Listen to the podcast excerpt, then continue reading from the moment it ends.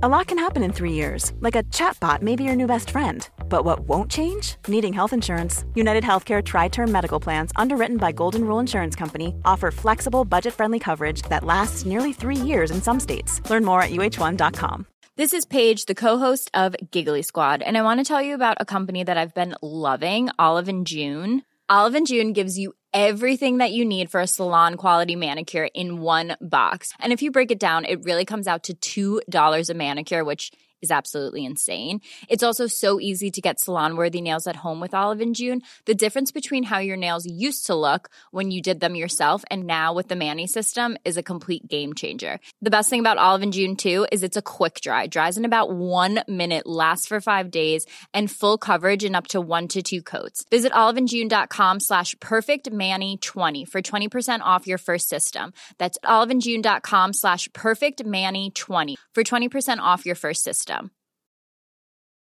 This is Paige, the co-host of Giggly Squad, and I want to tell you about a company that I've been loving, Olive and June. Olive and June gives you everything that you need for a salon quality manicure in one box. And if you break it down, it really comes out to $2 a manicure, which is absolutely insane. It's also so easy to get salon worthy nails at home with Olive and June. The difference between how your nails used to look when you did them yourself and now with the Manny system is a complete game changer. The best thing about Olive and June too is it's a quick dry, dries in about one minute, lasts for five days, and full coverage in up to one to two coats. Visit oliveandjune.com slash perfect Manny 20 for 20% off your first system. That's oliveandjune.com slash perfect Manny 20 for 20% off your first system. When you're ready to pop the question, the last thing you want to do is second guess the ring. At Bluenile.com, you can design a one of a kind ring with the ease and convenience of shopping online. Choose your diamond and setting. When you find the one, you'll get it delivered right to your door. Go to Bluenile.com and use promo code LISTEN to get $50 off your purchase of $500 or more. That's code LISTEN at Bluenile.com for $50 off your purchase. Bluenile.com code LISTEN. I'm amazed how many people own stocks. They, they would not be able to tell you why they own it. They couldn't say in a minute or less why they own it. Actually, you really press them down, they'd say, the reason I own this is the sucker's going up. There's enough cash in the financial system, and there's an infinite amount of cash at the Federal Reserve. An infinite amount Put of cash. Put that check in a money market mutual fund. Then we'll reinvest the earnings into foreign currency accounts with compounding interest, and it's gone. So they had to do something. All they had left was just to print money and start buying things. And that's what they did. Quick buck artists come and go with every bull market, but the steady players make it through the bear market. They say money can't buy happiness. Look at the fucking smile on my face. Hej och välkommen till ett nytt avsnitt av Market Makers. Och jag såg att det förra veckan var 15-årsdagen för Lehman Brothers-kraschen. Hur känns det Fabian? Har du återhämtat dig? Ja, jag har återhämtat mig och vad passar bättre när man ska fira 15-årsdag än att ta in en 15-åring i podden? ja, det var du som sa det, inte jag. Nej, men vi tänkte vi tar in den nya generationens tradör. En populär, populärt konto på Twitter, nämligen Valpen, som eh, ska få prata lite om sin, eh, sin handel och eh, sin syn på marknaden. Ja, precis. Han har ju eh, ticken, höll jag på att säga. Hans eh, användarnamn på Twitter är djurvän, men sagt eh, så kallar han sig för Valpen. Eh, han är väl också känd från, dels har han något som heter Tradingstugan på YouTube, och där han tradar live, och sen har han även en podd som heter Skamvrån, som är kanske lite mer skvaller kan man väl säga inom eh, finanstwitter, poddar, ja, hela den liksom lilla bubblan som är finansmedia. Exakt. Eh, ja, det blir jättespännande samtal i alla fall. Vi pratar om hur det är att vara trader, hur saker och ting har förändrats de senaste åren. Ja, vad är hans, liksom, vilka verktyg använder han? Hur jobbar han med, ja, med sin handel? Hur får man en edge? Och så vidare. och så vidare. Massvis med intressanta saker. Och en hel del skratt också. Bara en sån sak. I en finanspodd. Det är Oj. otroligt. L- låter fantastiskt. Fan vad kul. Men innan vi släpper in valpen här i studion så vill vi påminna om vår huvudsponsor IG Markets. Vill du kunna handla dygnet runt, till exempel Fabian, med flexibel hävstång? Hur gör du då? Ja, eh, tips är att använda tradingmäklaren IGs turbovaranter, även kallade Turbo 24. Turbo 24 är ju ett marknadsnoterat värdepapper som handlas på en MTF. Och Med de här kan du handla de mest populära indexen, råvarorna och valutorna. Och tack vare hävstången har du möjlighet att gå både lång och kort. Ja, men det är verkligen superflexibelt och ett bra komplement till en så kallad långlåda om man har det någon annanstans. Eh, dessutom lanserar man nu runt 70 aktier på turbovaranterna, vilket tillåter, tillåter dig att handla om de populäraste bolagen runt om i världen. Och det handlar ju om bolag som Apple, Tesla, H&M, Evolution Gaming som ju dyker upp ett par gånger i dagens avsnitt. Då upptäck IGs tradingplattform och läs mer om de aktier de erbjuder på IG.com. Men kom ihåg att all handel med finansiella instrument är förenat med risk. Vi säger stort tack till vår huvudsponsor IG. Och apropå risk, det är ingen rådgivning eller rekommendation som pågår i den här podden. Vi berättar bara om vår process och hur vi tänker. Gör alltid din egen analys och glöm aldrig att alla investeringar är förknippade med risk. Då säger vi välkommen in i poddstudion till Valpen, är det känt som på Twitter. Är det det vi ska kalla dig för? Ja, det går väl bra. välkommen hit. Ska vi börja i den änden dock? Vem är du för våra lyssnare som inte känner igen dig sedan tidigare? Vem är jag? Det här känns lite som när man går i lågstadiet och läraren frågar vad, kan du säga några bra saker om dig själv? Så säger man bara, jag är snäll. Ja, sälj dig själv nu. Jag ska sälja mig själv, absolut. Eh, jag är en relativt ung man från södra Sverige. Jag vet inte om det hörs på min dialekt. Folk brukar säga att jag är en blandning av eh, Björn Ranelid och Annie Lööf. Lite så här. Ibland kan jag rulla på R'n och sen ibland så säger jag första torsdagen i mars. Eh, men jag är född och uppvuxen här i Blekinge närmare bestämt. Eh, och ja, då får man väl också säga att jag har eh, ett Twitterkonto som eh, de flesta kanske känner igen mig från. Där jag eh, majoriteten av tiden shitpostar eller diskuterar investeringar och trading med kollegor och främlingar på internet. Och sen kan man väl tillägga kanske att du jobbar med trading. Det är ditt heltidsyrke, eller hur? Precis. Jag gillar inte att säga att jag är daytrader, men det är ju faktiskt sanningen att jag sitter nio timmar per dag och försöker dra ihop en eh, dräglig lön via aktier då. Och hur länge har du hållit på med tradingen och hur kom du in på det? Oh, det är en väldigt lång historia, en riktig sob-story, men vi ska inte gå in på hela. Men eh, jag skulle faktiskt eh, egentligen bli läkare, det var planen. På gymnasiet blev jag väldigt intresserad av eh, fysiologi och så och då tänkte jag varför inte eh, rädda massa söta barn, kanske bli barnläkare, något sånt. Ehm, så jag gnetade väl ihop eh, så att det var någon som frågade om jag var duktig i skolan, det var jag absolut inte. Men jag var så pass duktig att lärarna sa, du kan du sluta vara en clown nu för du är ju faktiskt relativt smart. Men jag hade svårt för det, det var kul att vara rolig. Och kämpade med nöd och näppe och kom in på en läkarutbildning här nere i södra Sverige. Eh, men inte långt efter det så eh, ja, blev jag ställd inför ett val som basically var eh, vill du hjälpa massa människor i framtiden eller vill du hjälpa några människor du tycker väldigt mycket om eh, just här idag? Så eh, som alla sådana här historier så var pengar nominatorn. Att jag eh, behövde skaffa pengar så snabbt som möjligt och eh, som alla andra idioter så, så går man in på Google och så får man höra att eh, investeringar, finans och aktiemarknaden är där man gör lätta pengar.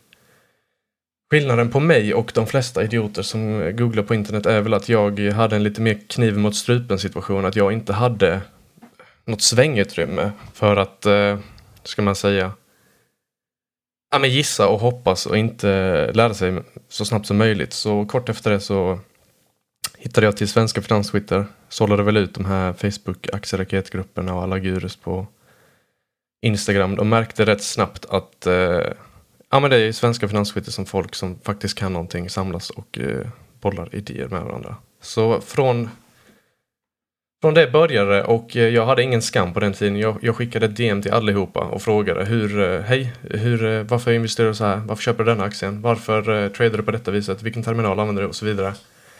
Och märkte väl rätt snabbt att eh, de flesta inte har någon aning om vad de håller på med och så kommer det alltid att vara. Men eh, för att förr i tiden så var det ofta så att eh, aktieforum och, och, saker på internet, om man bara utgav sig från att, för att vara en gedigen investerare så fick alla ta det på alltså liksom face value för att den här mannen säger att han har eh, 100% kagger över 30 år, så då är det så. Eh, men sanningen är långt ifrån det. Eh, så jag eh, började precis som jag vet att det här gamla gärdet inom trading community tycker att det är väldigt fult att inte ha eh, handlat så länge. Så jag, jag är väl ett bullcoronadjur får man eh, kalla mig. Jag började handla strax innan det här eh, droppet i eh, 2019 eh, och har väl sedan dess med nöd och näppe försökt kämpa mig uppåt i hierarkin. Från början så var det ju så att man, är, man var ju marknaden efter corona, eh, rent tradingmässigt, var ju underbar. Det började med SPAC-håsen. Småbolagen omsatte hur mycket som helst och du behövde Ja, men du behövde egentligen bara vara medvetande och ha armar och ben, kanske inte ens ben i vissa fall, så kunde du eh, tjäna extremt mycket pengar på aktiehandel. Eh, och man såg att folk som inte hade så mycket koll på det från början, eh, inklusive mig själv, kunde göra en eh, fin månadslön och till, ibland lite mer så man kunde ge katten eh, kvällsmat. Eh, men vad som hände sen är ju att eh, likviditeten har ju dragits ut helt ur marknaden. Det är ju en allmän bäs och jag läste någon kvantumatiker igår som skrev att det var typ den längsta bear market-perioden eh, och vi har nio månader kvar om det ska vara ett riktigt hemskt scenario. Så min, eh, paradoxen i min handel har väl varit att jag har blivit duktigare på att exekvera och handla och eh, marknaden har blivit sämre. Så då vet jag inte riktigt, är det jag som har blivit sämre eller är det marknaden? Så den som lever får väl... Eh... Kan, kan, man gå in lite där, för att många som lyssnar på den här podden eh, och de som pratar i den här podden eh, sitter ju och handlar på typ P tal sitter och läser rapporter, men jag antar att det inte är din tradingstrategi. Um, ja. Så du får jättegärna, du kanske inte vill ge ut din secret sauce, men du kan väl eh, djupdyka lite i den, vad du kikar på. Uh, Absolut. Uh, jag är ju av tron att ju mer något omsätter, ju mindre sannolikhet är att du som privatperson kan kapitalisera på det. Så ett exempel är ju att de stora världsindexen och de mest eh, likvida aktierna som Volvo, Essity och Atlas Copco det har ju gått så lång tid i historien och de här fina mäklarna i Stockholms innerstad har ju redan funnit sätt att handla dem med arbitrage. Alltså det kan vara mellan spreaden, det kan vara mellan eh, spoofing i boken och så vidare. Så för en privatperson eller en, en kalsongtrader som folk kallar oss så är det viktigaste nästan att kunna identifiera när Ja men precis som i fundamental investering egentligen. När är någonting billigare än vad det utser sig vara? Så e, e, en typisk strategi som de flesta traders har som sin bread and butter är ju market making. Lite roligt med tanke på podden. Att, eh, att liksom på, på något sätt identifiera vad är eh, den vanliga rörelsen för en aktie. Som vi tar ett exempel som Ja, men Atlas Copco eh, brukar oftast röra sig kanske minus 1,5% minus 3 om det är riktig megabäs. Och då kan väl fair value vara att om jag börjar köpa dippen på minus 3% så har jag fått eh, en rea mot vad, vad, mot vad aktien brukar handlas i. Och sen så säljer man några punkter över och så tjänar man sin hacka på så sätt. Och sen finns det ju tusentals tradingstrategier. Det finns folk som är mycket mer tekniskt lagda som ritar massa trendlinjer och kollar på volymer och data och eh, indikatorer. Men jag tror att i längden så finns det ingen egentlig edge i det utan den reella edgen ligger i att helt enkelt vara medvetande och kunna tolka information i marknaden. Kunna ha liksom en underliggande magkänsla och känna att vet du vad, för två veckor sedan när någon kastade ner 10% i den här aktien, då köpte ju faktiskt någon 10 minuter efter. Kan det bli samma sak igen? Hur mycket ska jag köpa för då? Och samma sak money management det är jätteviktigt för att när folk börjar handla så så räknar de oftast på uppsidan och så är det med investering också kanske att om Evolution går till 6500 kronor på aktie då kommer jag kunna köpa en ny sommarstuga men då måste man också veta vad är nedsidan, när ska jag stoppa, vad är, när går det fel? Och jag tror att det är det som gör att folk blir lönsamma när man förstår sin nedsida. Och hur, hur bestämmer man det när det kommer till trading? Är det en eh, är det godtyckligt man sätter en stopploss eller Just så som jag handlar, jag har, aldrig, jag har aldrig handlat med stopplosses. Men om du till exempel handlar de här mer likvida världsindexen eller Atlas Copco och storbolagen så kan det vara förmånligt med en stopp. Men ibland så är det ju att Ibland finns eh, faktiskt inte likviditeten där för att stoppa och du vill inte dra ner en aktie 20% minus bara för att du ska ta stoppen. Eh, man får väl göra en intern analys med sig själv att tycker jag att jag har fått eh, rabatterat pris i aktiekursen nu eller eller har jag inte det? Och sen så får man utvärdera, finns det någon annan i, i detta papper som jag slåss mot? Hur, hur ser han på saken? Finns det, det, det är tusentals olika faktorer som, som borde avgöra om man ska ta en stopploss eller inte, eller om man ska dubbla eller om man ska sälja eller skala av det. Det är så komplext och det, vi har suttit här till två på natten om jag skulle försöka förklara det. Öppen sluttid. Eh, nej men, eh, om vi ska vara lite konkreta då, för, för, jag tycker att det är så svårt att få, få grepp om det här. Jag sitter själv inte liksom kollar orderböcker så himla mycket. Eh, kan du inte ge exempel på dina typ tre senaste trades? Hur, hur såg de ut ungefär? Absolut. Det har ju varit, eh, jag kan inte säga tickersen för att de här bolagen är för illikvida, men... Eh, Du, du, kan, kan du beskriva vad det är för typ av bolag? absolut, det Eh. är totala skräpebolag i 99% av fallen. Och vi, vi kan ju tillägga för disclaimern här, nu är det ju trades som redan är tagna tänker jag och avslutade. Så att Ja, det precis. finns ju ändå ingen, eh, liksom, eh, ingen eh, vad heter det, vinning på att du pratar om dem. Så. Nej. Eh, Men eh, jag ska ändå försöka försköna så att man inte kan backtracka och hitta mig i orderböckerna. Men eh, ett exempel är ju de här typiskt eh, omtalade småbolagen i Facebookgrupper, aktieraketer och så vidare som får, eh, ma- man märker ju att när det är så baissigt i marknaden så vill ju, eh, det, jag vet inte om det finns några lagar egentligen som säger att eh, bolag inte får PMA ut vad som helst, men ofta är det att de PMA ut information som redan finns i marknaden eller något som förskönar marknaden eller verkligheten lite för dem. Så ett exempel kan vara att de har en fas 2-studie eh, på ingång och så säger de att men vet ni vad, vi kanske ska vi är på något conference call här i Singapore och vi vill bara säga att vår fas 1-studie kan bli väldigt stor och tjäna väldigt mycket pengar om tio år om den går igenom. Och då finns det många som handlar på det, liksom småsparare som ser oj, mitt kärninnehav eh, har en väldigt positiv nyhet, skitsamma om jag köper för 50-100 000 kronor. Eh, och då är det en typisk trade att ta, att ta, att korta och hoppas att eh, ja, men gasen tar slut i, i aktien helt enkelt. Och, och sen är det ju, mycket av min handel är ju ren mean reversion, att eh, handla på när hedgefonder eller privatpersoner inte riktigt exekverar på rätt sätt. Så det, det kan ju vara att eh, eh, att man inte riktigt har koll på orderdjupet eller orderboken och, och bara säljer till vilket pris som helst. I, I vissa fall så är det ju väldigt förmögna människor som inte riktigt bryr sig. Att, vet du vad, om du bara slänger ut två miljoner play idag i, i stängningsskalan, det är inte- skitsamma om, om jag förlorar 10-20 000 kronor på det. Men för en annan människa så kan det vara väldigt förmånligt att då eh, byta händer med denna man. Eh, och, och sen så har jag alltid no någon liksom längre swing igång eh, och då bakar man väl in lite mer fundamental analys i den att man har gjort någon analys med sig själv att ja, den här aktien borde stå högre upp om några veckor. Senaste tiden har ju väldigt många människor handlat Starbreeze B till exempel inför det här spelsläppet. Och det finns ju tusentals parametrar som avgör hur många concurrent players kommer det vara? Eh, hur håsigt är sentimentet kring aktien? Hur många tycker att spelet kommer vara bra av experterna?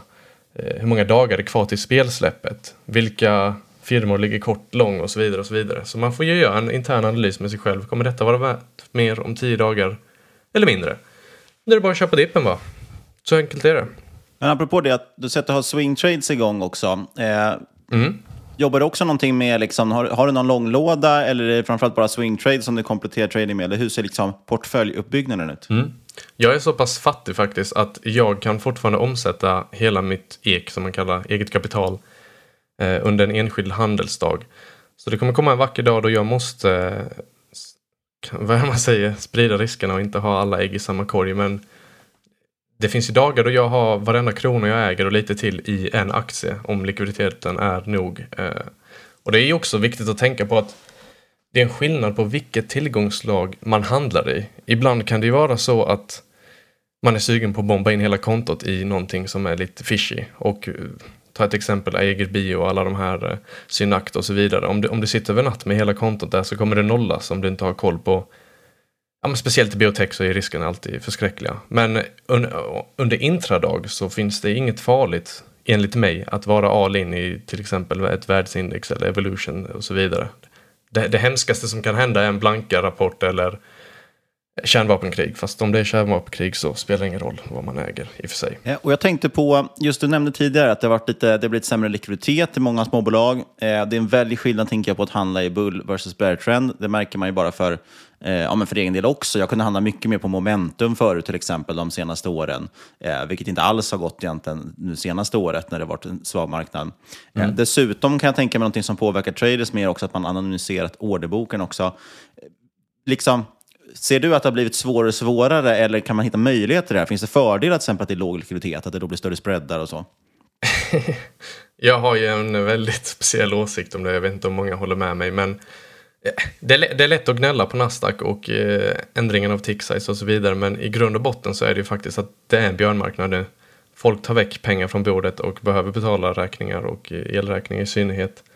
Så jag vet inte hur mycket som egentligen påverkas av att det är en björnmarknad men de rävarna jag har pratat med som handlade för 10-15 år sedan, de sa att även fast det var björnmarknaden, även fast det var 08-krasch och så vidare, så fanns det mycket mer likviditet för att allt var mer transparent och det var en annan tick size. Vad som menas med en annan tick size är att eh, innan var det liksom 50-öringar och enkronor i de flesta papperna. Så om du ville köpa Volvo så fick du köpa på 101 spänn. Om du ville sälja Volvo så fick du köpa på 100 spänn. Då var det en krona i det här vakuumet som kallas spread då. Nu är det nya tider och eh, grabbarna på Nasdaq hävdar att i vissa fall så är det ju femöringar. Vad det betyder för dig som privatperson, jag har skrivit en lång tråd om detta på Twitter, så, eh, så kan ju någon, en algofirma då i Schweiz som betalar hutlösa courtagesummor till Nasdaq, alltid fronta dig. Så om du heter Ingalill och bor ute i Hjärup och ska köpa dina, ja, eh, Technion för 10 000 kronor så kommer roboten att känna av att här är en köpare och lägga sig framför dig i orderboken. Vad de flesta småsparare inte förstår då är att de flyttar ju priset för eh, att tjäna pengar på vakuumet då. Och detta pågår ju det här är inte möjligt att göra för en privatperson för att det är så små summor och courtaget käkar upp allting. Men när en algo gör detta eh, 50 miljoner gånger per dag i alla papper så blir det en saftig stek i slutet av dagen. Och detta påverkar ju faktiskt alla småsparare men det är inget Nasdaq vill kommentera för att de får så extremt mycket pengar från de här algofirmorna i slutet av månaden. Och jag, och jag tänker även det här med anonymisering av orderboken. Har det försvårat saker och ting också? Eller du säger att man ändå kanske kan se vilka som, vilka som är, står på vilken sida i orderboken? Ja, du kan ju se, innan hade man ju liksom en förutfattad rasism i en mening mot till exempel, och nu säljer Avanza Eh, och Nordnet, då tänker man att det här är privatpersoner. Även fast detta inte är fallet på senare år för Avanza och Nordnet har mycket större size i böckerna. Men eh, det var väl en form av edge man kunde ha att oj, ser du den här avanzianen som ska sälja i Fortnox? Eh, han verkar inte ha koll på vad han håller på med. Det kanske är någon som är lite stressad eller rädd. Ska vi köpa hans aktier? Och när man såg att eh, kanske Nordea eller Carnegie sålde så hade man mer respekt. Oj, det är någon fin gubbe i slips som vet vad han håller på med. Ja, det var väl i vissa, jag har för att i H&M var det väl alltid prat om, jag tror att det var när SCB köpte, då trodde man att det alltid var Staffan Persson om inte jag Ja, precis. Det var före min tid, då var jag en liten baby. Eh, men helt rätt. Och eh, jag vet inte, för mig personligen så trodde jag att det skulle vara värre än vad det blev. När jag, när jag fick höra nyheten om att nu är det anonymiserat så skickade jag in eh, McDonalds-ansökan direkt. Men, men jag har inte, jo, en sak som man märker mycket mer markant är ju spoofing och nu ska jag försöka förklara vad spoofing innebär, men att man eh, försöker göra ett sken av att orderboken ser mer aptitlig ut än vad den egentligen är. Så om, om det ligger 100 aktier på, på alla håll i en eh, orderbok och någon lägger upp 10 000 aktier så kommer ju folk att känna att wow, det finns en stor köpare i orderboken. Eh, Algos kommer självklart pressa upp priset, privatpersoner kommer vara mer sugna på att köpa och en och annan trader kommer försöka att fronta rörelsen. Vad som är extremt olagligt, eh, vad jag har fått höra i alla fall, är att om den här spoofen då tar väck orderblocket så har ju han bara manipulerat kursen och inte gått till avslut. Så ja, du, du, du försöker låtsas som att du ska köpa massa aktier. Du skick, skickar upp kursen, förmodligen ligger du på sälj samtidigt och så repeatar du så här och manipulerar orderboken helt enkelt. Det är ju mycket svårare nu. Nasdaq har ju full eh, insyn i allt som händer i orderböckerna. Fast problemet med Finansinspektionen och eh, EBM är att de inte bedriver någon verksamhet eller arbetar överhuvudtaget. Så hur mycket man än skickar in till dem eller ringer och förklarar att vet ni vad, det, det finns någon som fipplar i den här orderboken och verkligen lurar småsparare. Så säger de, att vi tar en titt på det och i slutet av månaden så kollar de istället om det finns någon enpetare i Anglo Gaming som de kan sätta dit. Så det blir lite spridda skurar där mellan verkligheten och vad som egentligen är fel.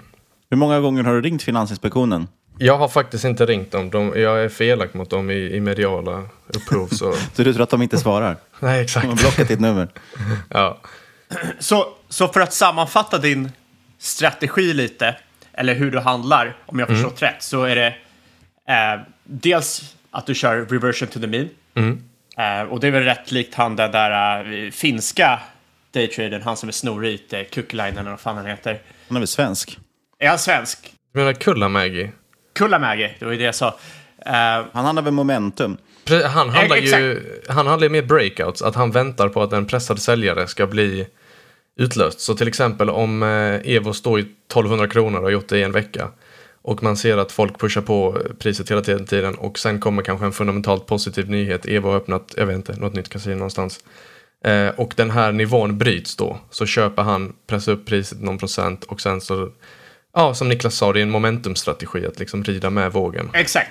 Eh, Men, men det, det var väl nummer två du hade? För du hade väl reversion to the mean, du körde på momentum och sen typ orderboken. Ja, precis. Alltså det, orderboksanalys går ju bara att göra i midcap och de mindre bolagen. I, på large cap spelar det ingen roll. Dels för att det är så mycket likviditet och att ja, det är folk som spoofar fram och tillbaka där också. Men det finns ingen det finns inget övertag eller edge som man kallar det i att kolla på en orderbok i, i H&M eller Atlas Copco. Men i, i de mindre bolagen, absolut, då, då kan man se om, om någon vill ta stoppen eller om någon är sugen på att köpa. Eh, vilka verktyg använder du? Är det bara terminalen eller använder du någonting annat också för att eh, ja, hitta, hitta intressanta case?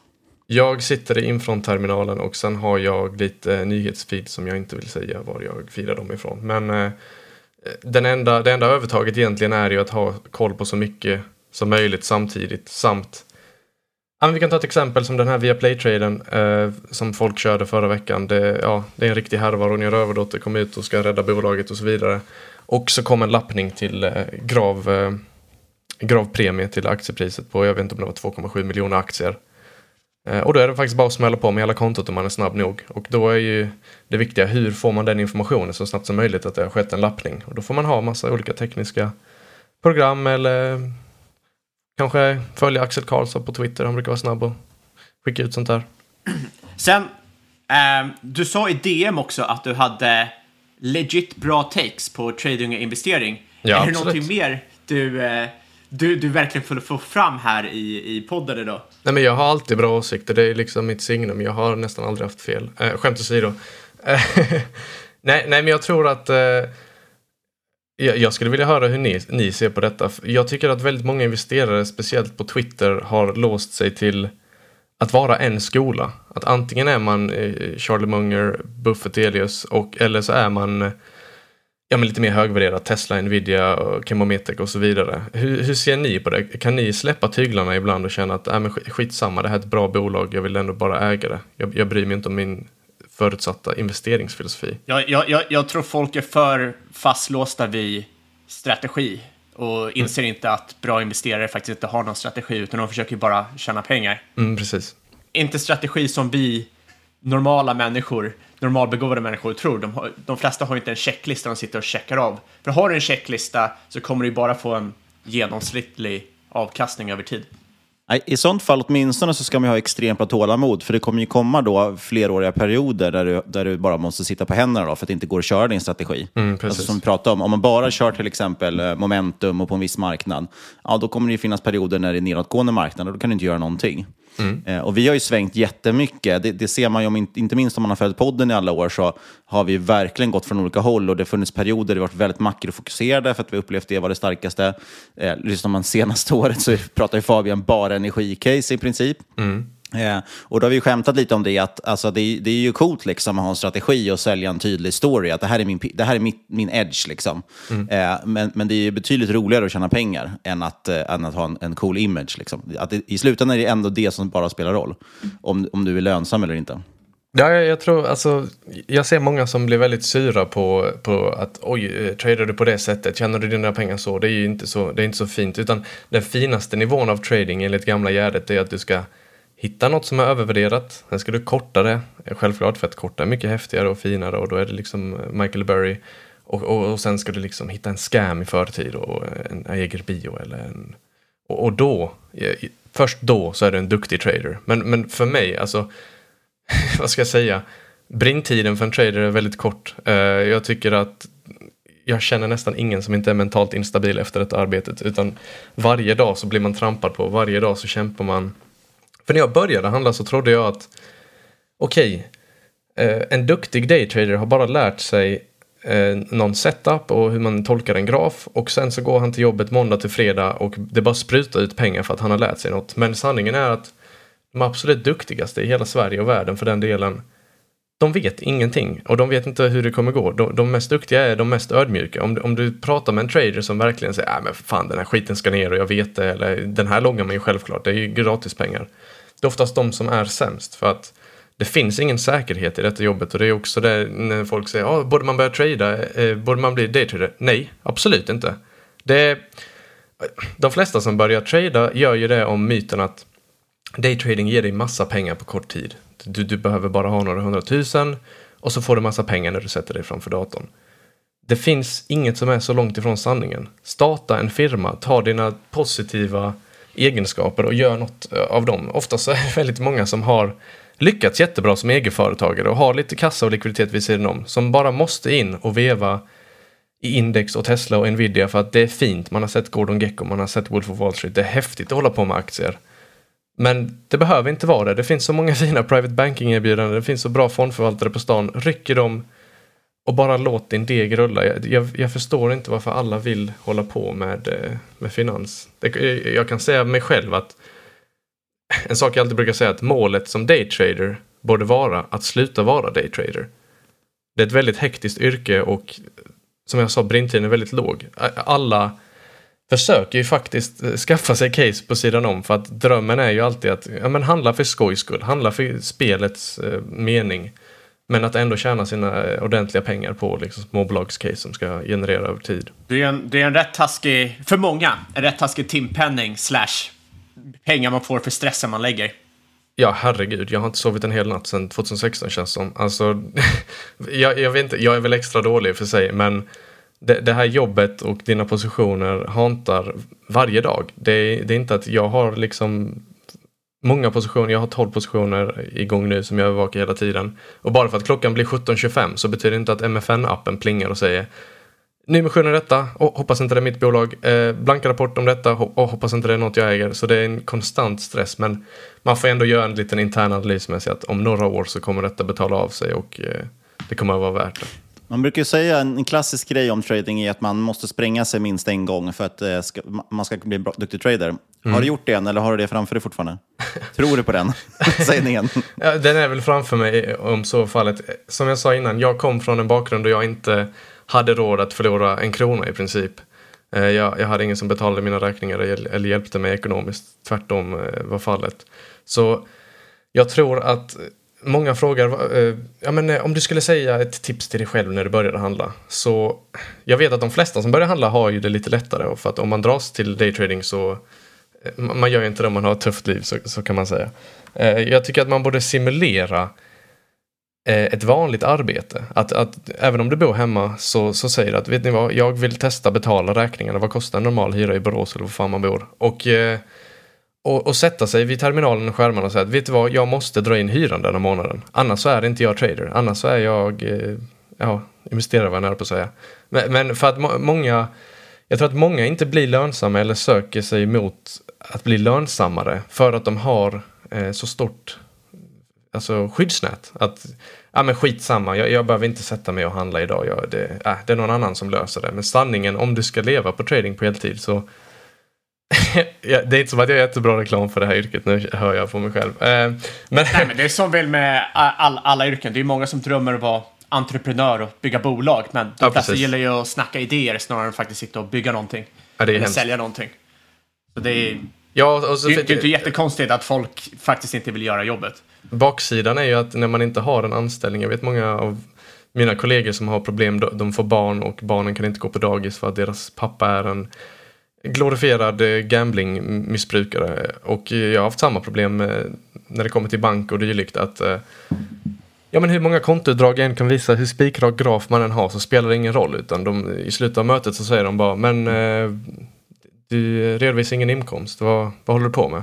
Du, tyvärr, det blir inget banklån Bubben. Så det är en baksida som ingen pratar om, men man får väl göra en intern analys med sig själv och säga att vet du vad, om du vevar på i 50 år så ska du inte ens behöva prata med, med bankmannen.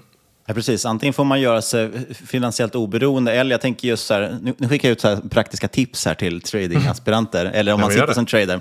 Eh, det bästa är ju alltid i, i, Sverige också, det är att man startar ett aktiebolag och så anställer man sig själv. Eh, då helt plötsligt så kan du faktiskt möjliggöra att du har förskola och sådana saker. Ja, precis. Eh, med banklån måste du dock uppvisa en inkomst, så då, i sånt fall får du trada i aktiebolaget eller sitta och pumpa in pengar i aktiebolaget mm. och sen betala ut dem som lön, vilket ju är skattemässigt idiotiskt.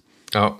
Men det är som man får kringgå det. Jag, jag som själv har varit drivit eget företag väldigt länge, jag, när jag hade enskild firma då hade jag samma problem. Att man fick inte varken föräldrapenning eller banklån eller någonting. Eh, men skrev man att man hade ett aktiebolag och, och skrev en lönespec till sig själv, då, då liksom öppnades alla dörrar helt plötsligt. Ja, exakt. Trots att ingenting hade förändrats egentligen.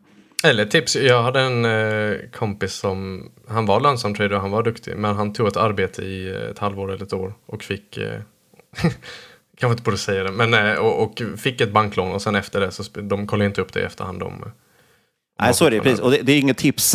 Nej, det är men det, det är som du säger, så, så länge du har en fast anställning så, så är det ju det de går på. Eh, Det låter att, som en eh, lifehack för mig, eller?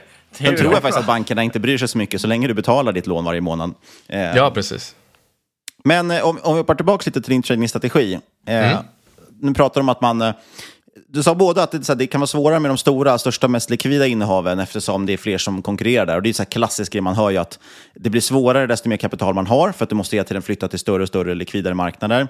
Mm. Eh, plus att, ja, ska du in på valutamarknaden och göra, ja då slåss du ju kanske mot de bästa i världen, brukar man prata om också, eh, eftersom det är de största spelarna som är där.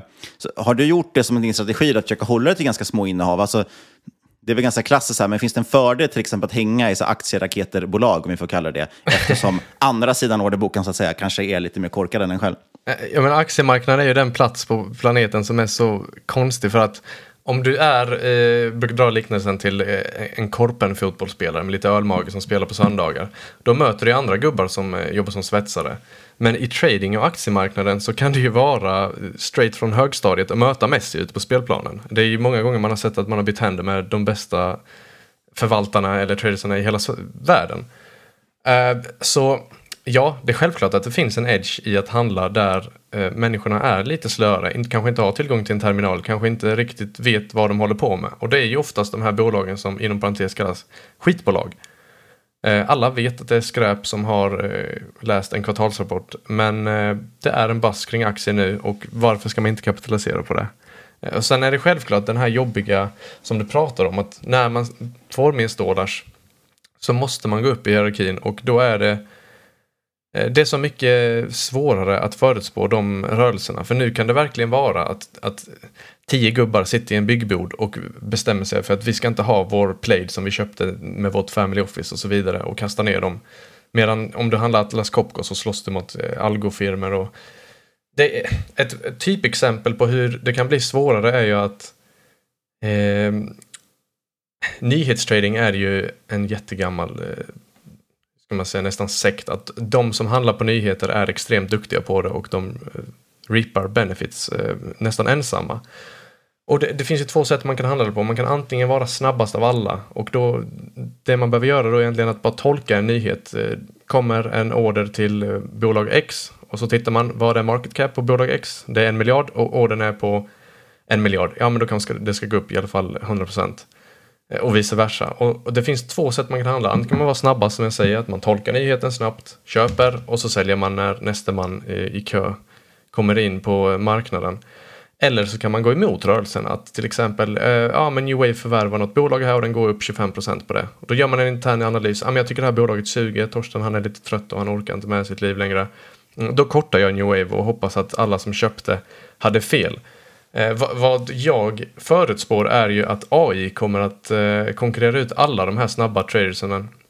För att innan behövdes den mänskliga faktorn i att tolka nyheten, läsa igenom den och exekvera din köporder. Nu kan ju det gå på, alltså man kan backtesta det till infinity. Jag som brukar hata på AI känner mig ändå lite hotad av det. att om det kommer en nyhet så kan en dator alltid tolka den snabbare än dig och vara snabbare än dig. Så, så många delar av handeln kommer konkurreras ut. Precis som Algos har konkurrerat ut det här spreadhandeln från 2016. Ehm, ja, men du sa ju där liksom att eh, eh, intressant är att ta de här små eh, skitiga Facebook-casen. Mm. Eh, och det är många av dem som liksom blir väldigt, väldigt uppumpade, får liksom tusentals med investerare på kort tid, går åt månen. Men hur vanligt är det att man faktiskt kan komma in där och shorta bolagen med en bra ROI? Det lär väl rimligen vara snordyrt, eller?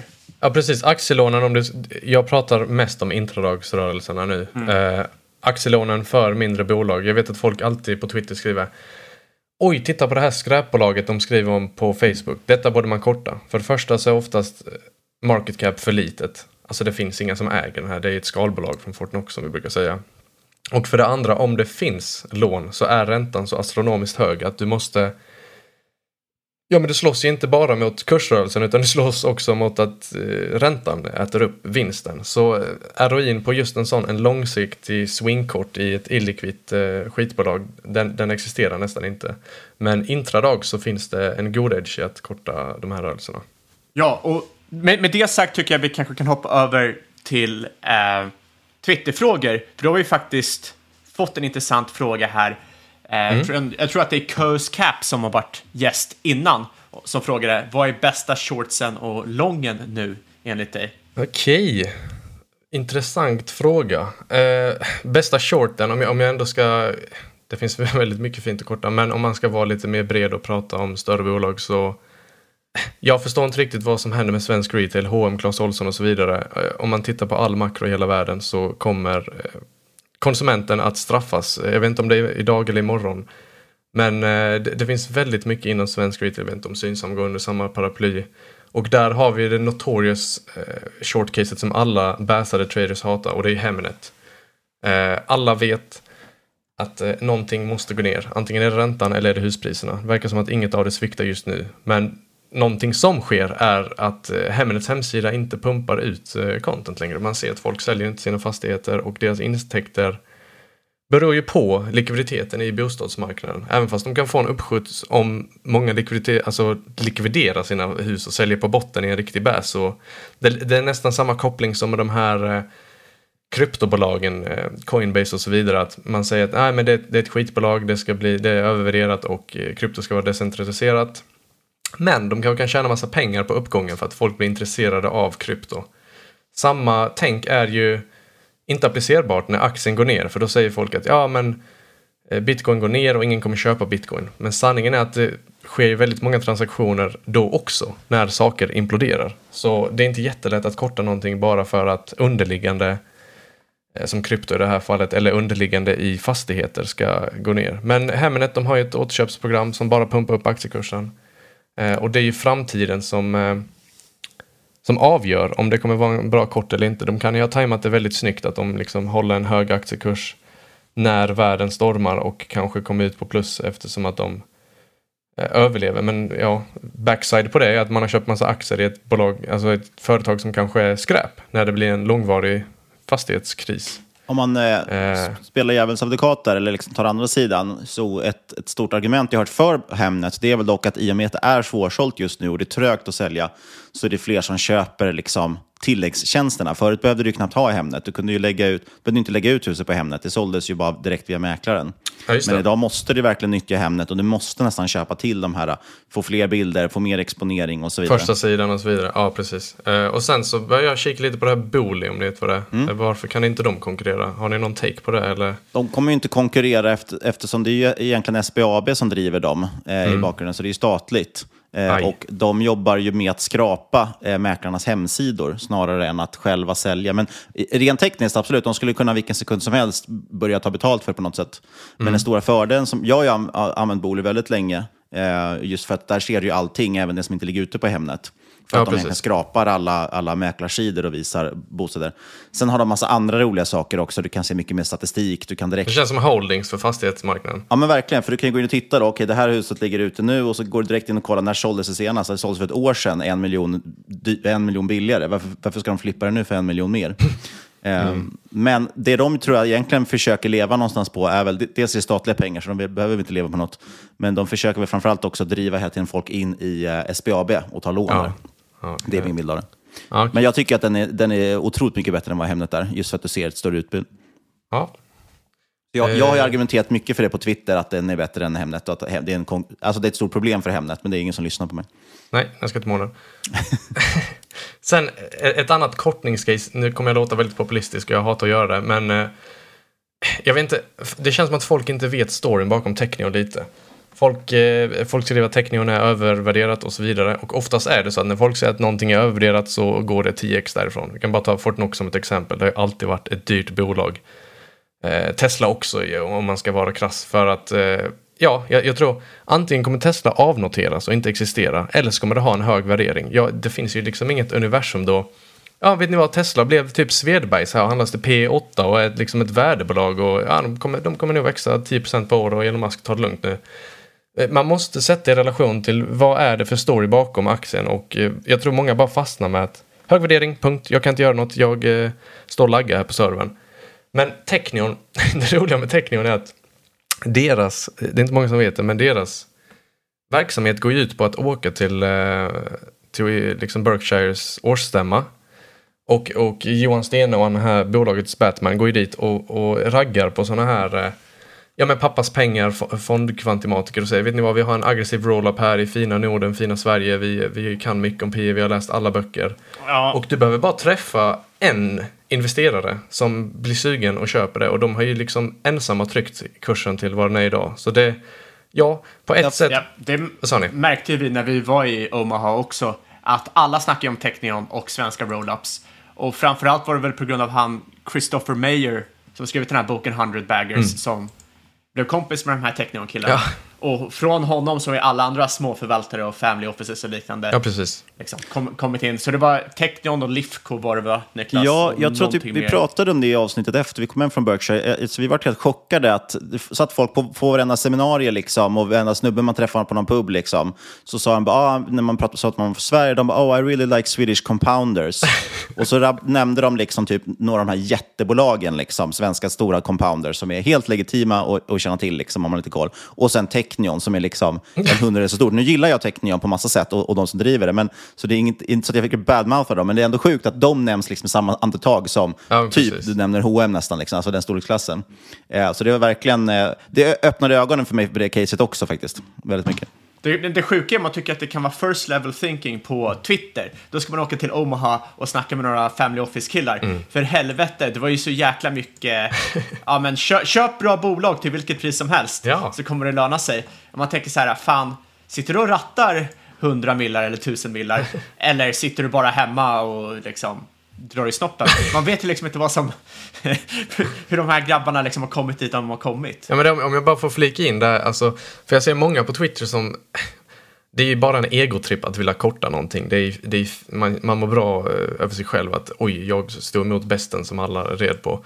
Att, jag ser många som vill korta Nvidia för att den har en hög värdering. Och ja, den har en hög värdering och den kommer förmodligen alltid att ha en hög värdering. Och vad du ställer dig framför är ett tåg med de här gubbarna som ni pratar om. De måste, Blackrock, alla, de måste ha ett play på AI.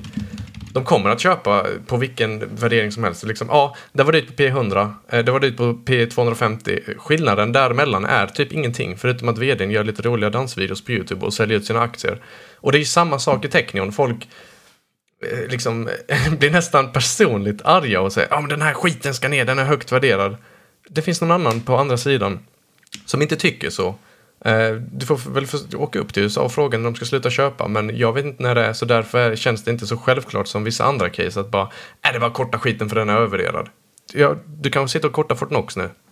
Idiot. Nej, men jag håller med om det. Och det går tillbaka till det som vi pratade om tidigare, att strategin är, liksom, är egentligen irrelevant. Det viktiga är att liksom, hittar du någonting som du tjänar pengar på så spelar det ingen roll om det är coolt eller inte coolt. Mm. Eh, och det är samma sak där. Och det är därför jag fastnar mycket liksom för momentum, eller alltid har med det i bakhuvudet. Att i slutändan så, så är det bara flöden som spelar roll. Är det, någon, är det fler som vill äga aktien eller inte så kommer Exakt. den ju gå upp, precis som du säger. Och, och just nu är det ju så, alla måste äga AI. Om, du Ja. kan inte ge ut en rapport och säga, liksom, för, vad heter det, förvaltarkommentar och säga att nej, men jag äger inte något, något AI-play, för alla investerare frågar efter det just nu. Jag tror inte på AI. Eh, och då går du in och tittar, vad kan du köpa för något? Ja, då är det, AI, eh, då är det ju Nvidia typ, och nu kommer det här ARM också som vi pratat om i podden.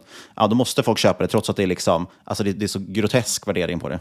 Ja, men det går ju tillbaka till den här IBM-grejen, för alla sparken om du äger IBM, för alla andra äger det. Mm. Och det ser du ju liksom i alla typer av fonder och fondförvaltare. Om du ställer frågan varför alla VC-firmor köpte Voi på toppen, jäkla sparkcykelbolag, då är det ju samma grej. För grejen att om Voi går i konken, då spelar det ingen roll för alla ägde det. Men om Voi blir jättebra och du inte äger det, ja, då är det ju torsk. Då suger det. Ja. Det är samma sak med Novo Nordisk i och för sig. Det är, Det är exakt samma sak med Novo Nordisk.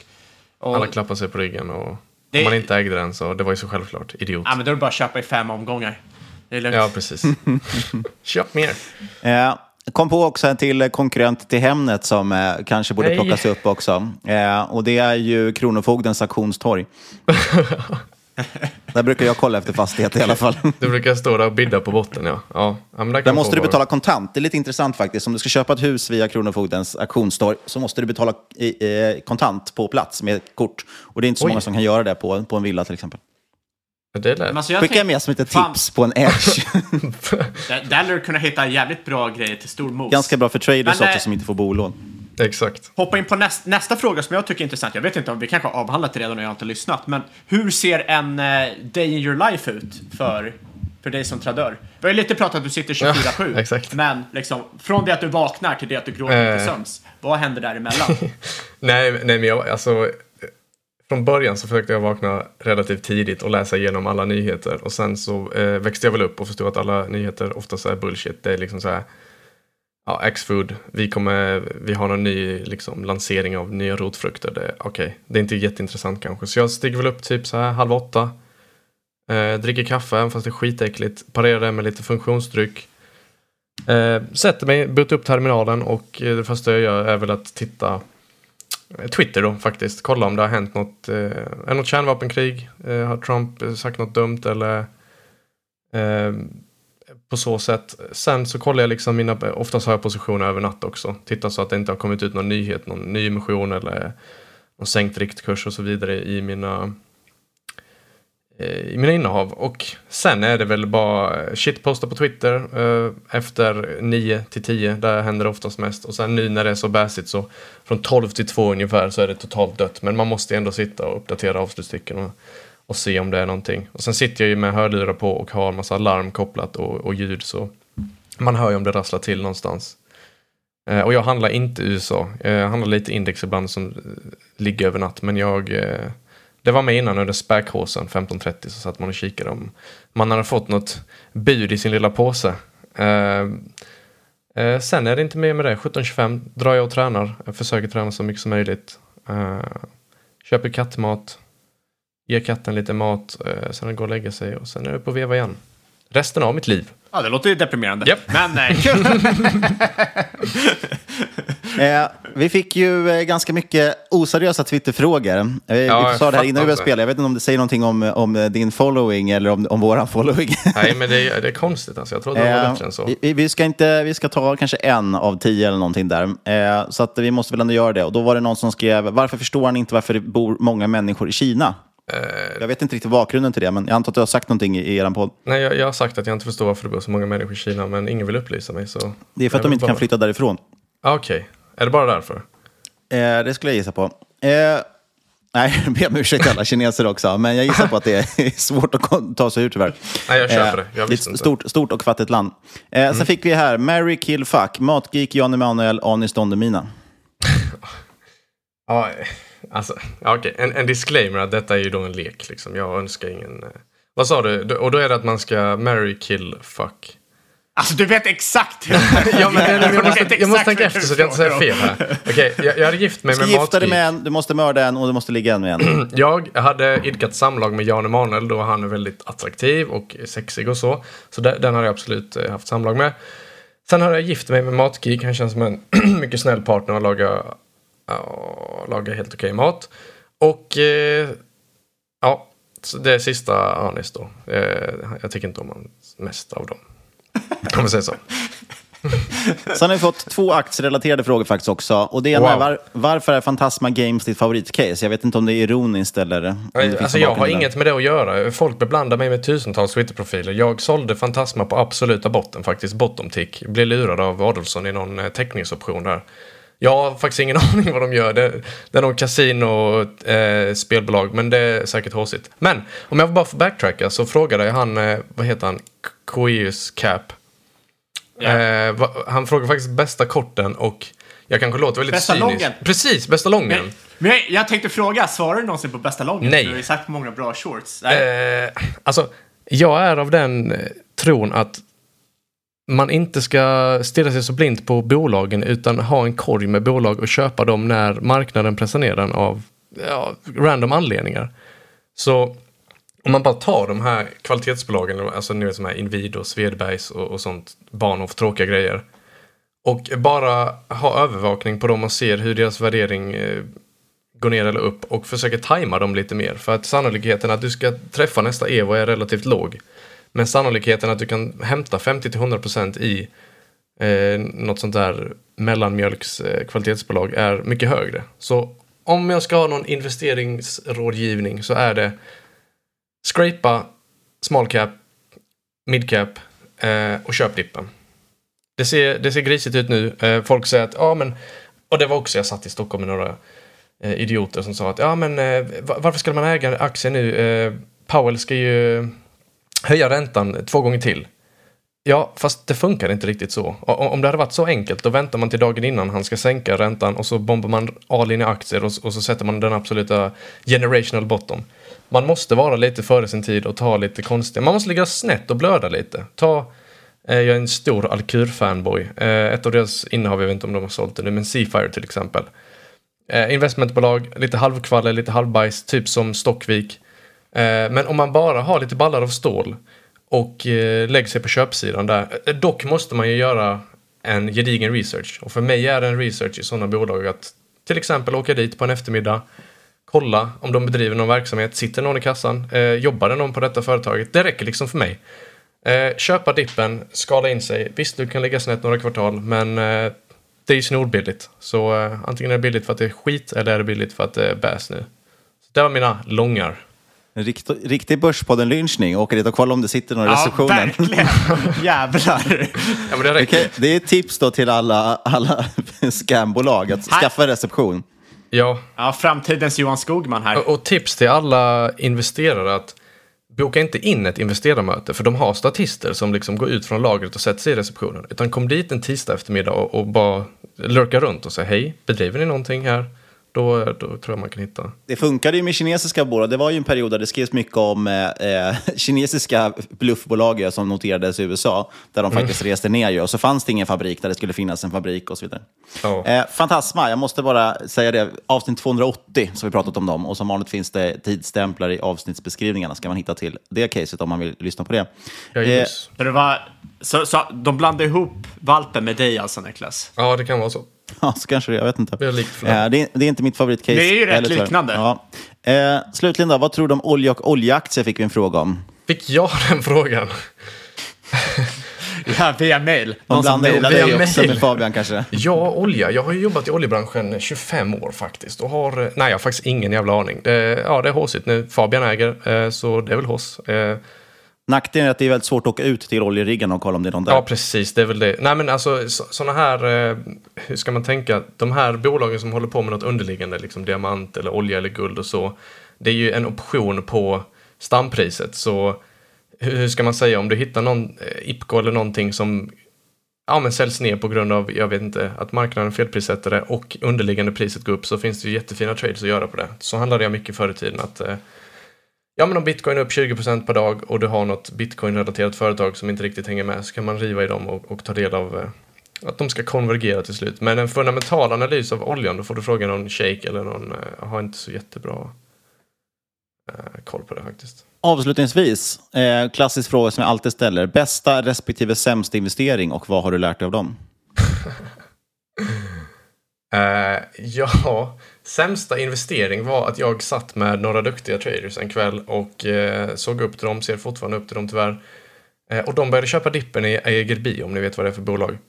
Eh, och, och de gav väl mig lite false sense of security för att eh, ja, men jag tänkte att om de har eh, fem mille inne och jag har några hundra k så spelar väl det inte så stor roll i, i det stora hela för att de kommer torska mer och de kommer gråta mer. Tyvärr funkar det inte på det viset utan eh, det olycksamma var att dagen efter, eller på kvällen faktiskt, när jag stod på gymmet så fick jag på sms att SVT har gjort en granskning. Det gör de typ en gång var hundrade år. Eh, och, och det var en totalsågning att eh, ja, men det, här är en, det här är en megascam. Om man äger detta bolaget så eh, är det kört och över. Och jag minns att när vi satt i röst på morgonen eh, i öppningskalen så öppnade jag ner minus 50 procent och jag hörde en kollega säga Fan det här är skitbra. Det här, det här känns ju grymt. Så det var min absolut största torsk och då lärde jag mig att hur rik och jävla bra någon än är så är det inte ett kvitto på att eh, de är duktiga imorgon också. Och bästa investering? ehm, Det är att jag startade ett Twitterkonto och utan skam DMade alla eh, konton och frågade. För eh, på grund av det så har jag lärt mig extremt mycket. Som jag aldrig hade gjort utan Twitter. Så det har jag att tacka faktiskt. Grymt. Och eh, apropå det, vart följer man dig någonstans? Twitter och vi kanske ska nämna vad podden heter också. Eh, min podd? Ja, precis. Jaha. ja, nej, inte Market Maker. Nej, våran podd. Okej, okej. Eh, nej, men jag poddar med, med Gös Lill-Gusti. Eh, den heter Skamvrån. Den är jävligt barnslig och inte så värdeskapande om man vill lära sig om investeringar. Men vill man skratta så kanske man gör det. Ingen garanti. Den har en liveshow också ju. Ja, precis. Jag sitter och handlar eh, några dagar i veckan på tradingstugan på YouTube. Eh, det är också mer i underhållningssyfte, men eh, man kan lära sig mycket tror jag om man kikar på det konsekvent. Sen heter jag, vad fan heter jag nu igen? Djurvän är min Twitter-handle. Så djur, V-A-E 2N. Det var någon annan jävel som hade vi- tagit mitt nickname. Ja, precis. Och vi lägger som vanligt en länk till det i avsnittbeskrivningen. Eh, stort tack, valpen eller djurvän, för att du gästade oss. Tack själva. Ha det bra. Ja, vi tackar Valpe så mycket för att han gästade podden. Och eh, jag vet inte om vi kör någon innehållsförteckning idag. Vi har inte pratat egentligen om några större bolag. Vi har pratat lite om teckningen, Fantasma och så vidare. Men det var egentligen ingenting tror jag som dök upp som vi har något ägande i. Eventuellt att jag kanske har teknion eller något sånt där i någon tjänstepension. Men oavsett vad vi äger så inget av den här podcasten ska ses som rådgivning. Alla åsikter var rena eller gäst och eventuella sponsorer tar inget ansvar för det som sägs i podden. Tänk på att alla investeringar är förknippade med risk och sker under eget ansvar. Vi vill rikta ett stort tack till vår huvudsponsor IG. Gå in på IG.com och ladda ner deras app också förstås. Och eh, ja, testa på den här smidiga, flexibla tradingplattformen. Kontakta oss på podcast at marketmakers.se eller på Twitter och eucaps at marketmakerspod och glöm inte lämna en recension på iTunes. Och sist, men absolut inte minst, kära lyssnare, stort tack för att just du har lyssnat. Vi hörs igen om en vecka.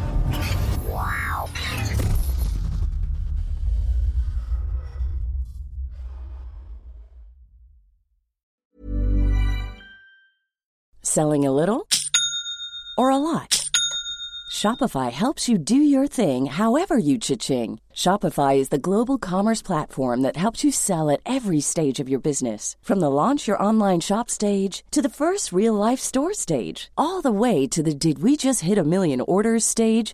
Shopify is there to help you grow. Shopify helps you turn browsers into buyers with the internet's best converting checkout. 36% better on average compared to other leading commerce platforms because businesses that grow grow with Shopify. Get a $1 per month trial period at shopify.com/work. shopify.com/work. Planning for your next trip?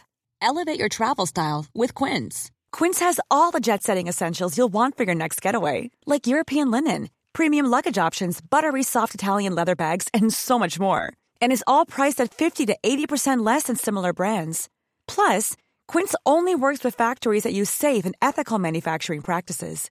Pack your bags with high-quality essentials you'll be wearing for vacations to come with Quince. Go to quince.com slash pack for free shipping and 365-day returns. Mom deserves the best, and there's no better place to shop for Mother's Day than Whole Foods Market. They're your destination for unbeatable savings, from premium gifts to show-stopping flowers and irresistible desserts. Start by saving 33% with Prime on all body care and candles. Then get a 15-stem bunch of tulips for just $9.99 each with Prime. Round out Mom's menu with festive rosé, irresistible berry chantilly cake, and more special treats. Come celebrate Mother's Day at Whole Foods Market.